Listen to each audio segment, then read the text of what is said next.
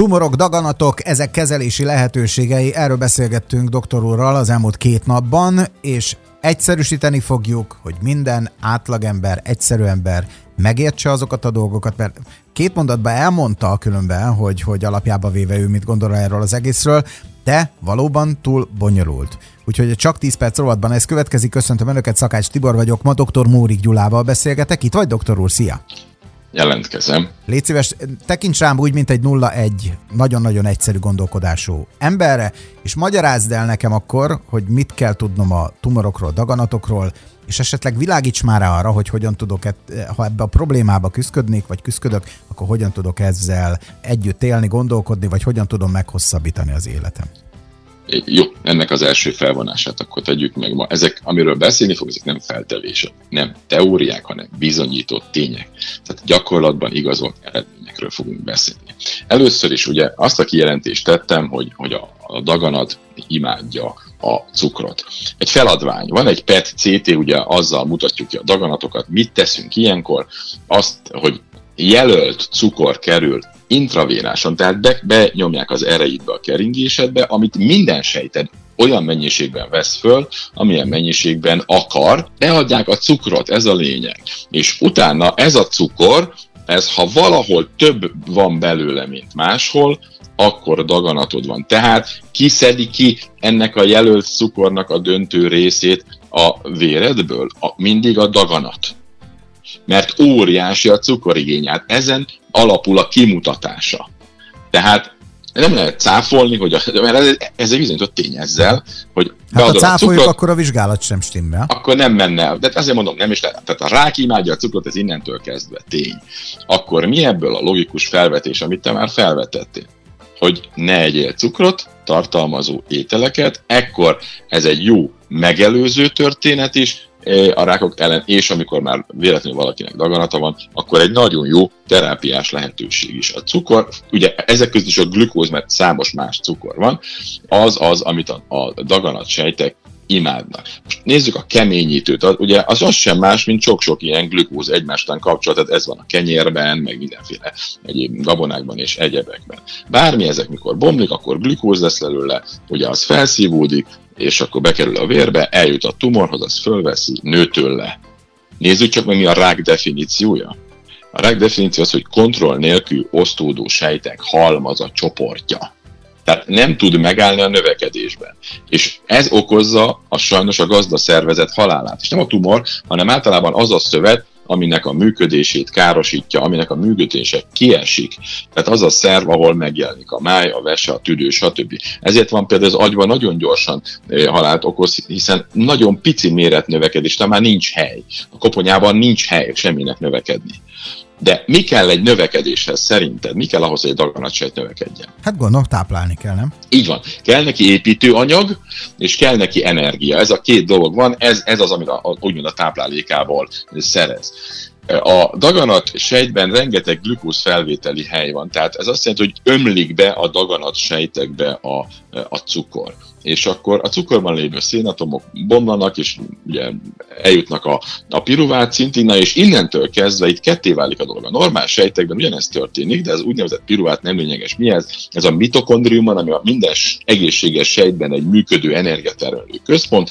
Ott oxidálódik, oxigénnel egyesül, ami az rengeteg oxigén kell, megy az úgynevezett oxidatív foszforiláció, csak akarom, hogy oxigén kell hozzá, és ebből energia Ezeket tessék már lassabban mondani, mert... Az... De nem lényegesek. Tehát az a lényeg, hogy a normál sejtben, a mitokondriumban lezajló folyamatok vége az, hogy energia képződik, és utána pedig a felesleges szén az széndiokszid formájában kilégzésre kerül. Tehát jó részt az a szén kerül kilégzésre, ami az ételekkel bekerül. Tehát normál esetben egy normál lebontás folyán egy egészséges sejtbe széndiokszid víz keletkezik. A tumoros sejtben nem ezek az anyagok keretkeznek, hanem tejsav, ilyen sav, olyan sav, savak. Ezek terülődnek, a daganat sejtekben tudnélik nem oxidáció zajlik, hanem a, a már korábban jelzett úgynevezett fermentáció, tehát a a mikrokörnyezete ezeknek a daganatoknak elsavasodik. Az csak egy dolog, hogy például ezért az ellenük való küzdelem is jóval nehezebb, mert ez, ez egyfajta védelmet jelent neki. Tehát a tumorok nem képesek oxidálni a dolgokat, mert nem működik bennük a mitokondrium, vagy nem jól működik. Egyébként pontosan ez a probléma, ezért nem elég csak a cukorra koncentrálni, mert a mitokondrium is képes valamilyen szinten ugye fermentálni, és ő pedig egy az egy darab aminosavat, a glutamint tudja fermentálni. Tehát vagy glükózt adsz annak a daganatsejtnek, vagy glutamint, vagy mindkettőt, de ha ezek egyikét sem adod, akkor bizony az a daganatsejt elpusztul. Ugye ez a kettő, a glutamin is adja a nitrogént a sejtnek, a DNS, az RNS, a fehérjéhez, az energiatermeléshez, minden. Ez a két út párhuzamosan fut, és egymást erősíti. Tehát energia építőkő, és ebből lesz kontroll nélküli, zabolátlan növekedés, azaz tumornövekedés, és sajnos ez hozza el a halált. Ez így érthető? Nekem igen, remélem, hogy a hallgatók is megértik. Akkor most már eljutottunk oda, hogy mi a mechanizmus. Tehát jelenleg úgy látszik, hogy nem ismerünk ezen a két anyagon kívül olyan anyagot, amelyet a tumor használni tudna a saját túléléséhez, illetve növekedéséhez. Tehát ha ezt, ennek az utánpótlását elvágjuk, akkor sokkal sikeresebben tudunk küzdeni a daganat ellen. És itt van a lényeg. Az, a, az egy nagy nehézség, azt tegyük hozzá, hogy a glutaminra egyébként a szervezetnek szüksége van, tehát azt úgy suty eltüntetni a szervezetből nem lehet, ezért van ennek a terápiának sok olyan apró részlete, ami, ami folyamatosan tesztelés és kidolgozás alatt van. De egy a lényeg, hogy ha elveszed ezt a két nélkülözhetetlen anyagot, akkor a tumorsejt nem tud tovább növekedni, és a tumor hal meg, nem a beteg. Ugye azért ez nagyon nem mindegy, és ezek mellett a szervezetnek minden egészséges sejtjének biztosítod a, nem csak olyan megélhetést, hanem a tökéletes egészséget, tehát olyan anyagokat kell adni a szervezetnek. Olyan anyagokat, amelyet a tumor nem tud használni, de a többi sejt kimondottan szereti. És most jönnek azok, amiket mindig is mondtunk, hogy, hogy a ketontestek és a zsírsavak ilyenek. És jó kérdés, hogy miért, mert, mert ezek csak az épp mitokondriummal rendelkező, azaz az egészséges sejtek képesek ezeket az anyagokat hasznosítani. De akkor nagyon-nagyon szuper jól hasznosítják, két és félszer több energiát termelnek belőle, mint a cukrokból. A daganat meg ezt nem tudja megtenni. Nem bonyolult, ugye? Nem, és különben pedig az a baj, hogy az emberek letegezik ezt a problémát. Most például kaptunk olyan üzenetet, amikor azt, azt írta a hallgató, hogy ez ha ilyen egyszerű, ő ezt bármikor megcsinálja. Uh-huh. Hát azért, hogy mondjam, szóval Na. az, aki már próbálkozott ezzel, az tudja, hogy ez azért abszolút nem egyszerű.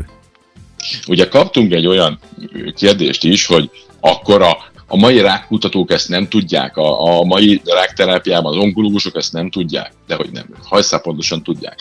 Az onkológusok nagyon okos emberek, csak hogy az onkológusi kutatók és terapeutáknak a, a kiinduló pontja más. Ők azt mondják, hogy igen, ez így van, mert hogy ezt nem nagyon lehet száfolni.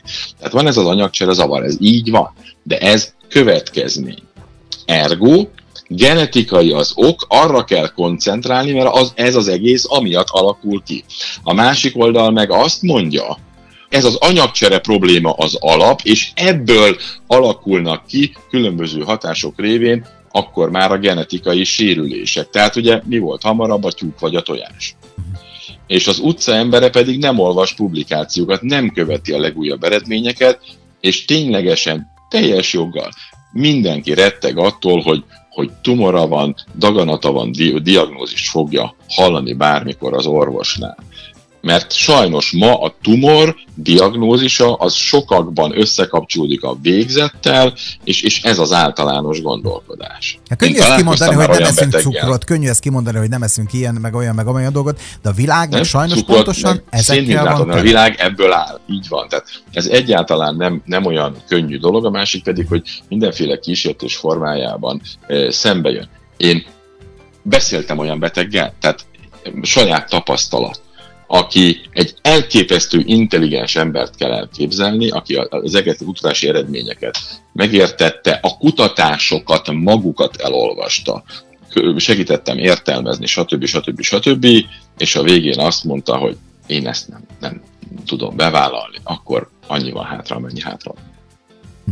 Hm? De nem kell, hogy így legyen, már nem kell. Tehát van másik út, egyre több orvos egyébként nyit a tudományos bizonyítékok alapján ebbe az irányba, tehát én is nagyon szívesen beszélek erről, akár a később, és amíg erre van igény, akkor, akkor azért vannak itt még érdekességek, amelyet hasznosítani lehet, akár a megelőzésben, akár a terápiában. Jó, oké. Okay. várom a szerdát jövő héten, mert hogy szerintem érdekes kérdéseket fogunk kapni. Köszönjük szépen, doktor, jó pihenést kívánunk neked! Jó pihenést mindenkinek!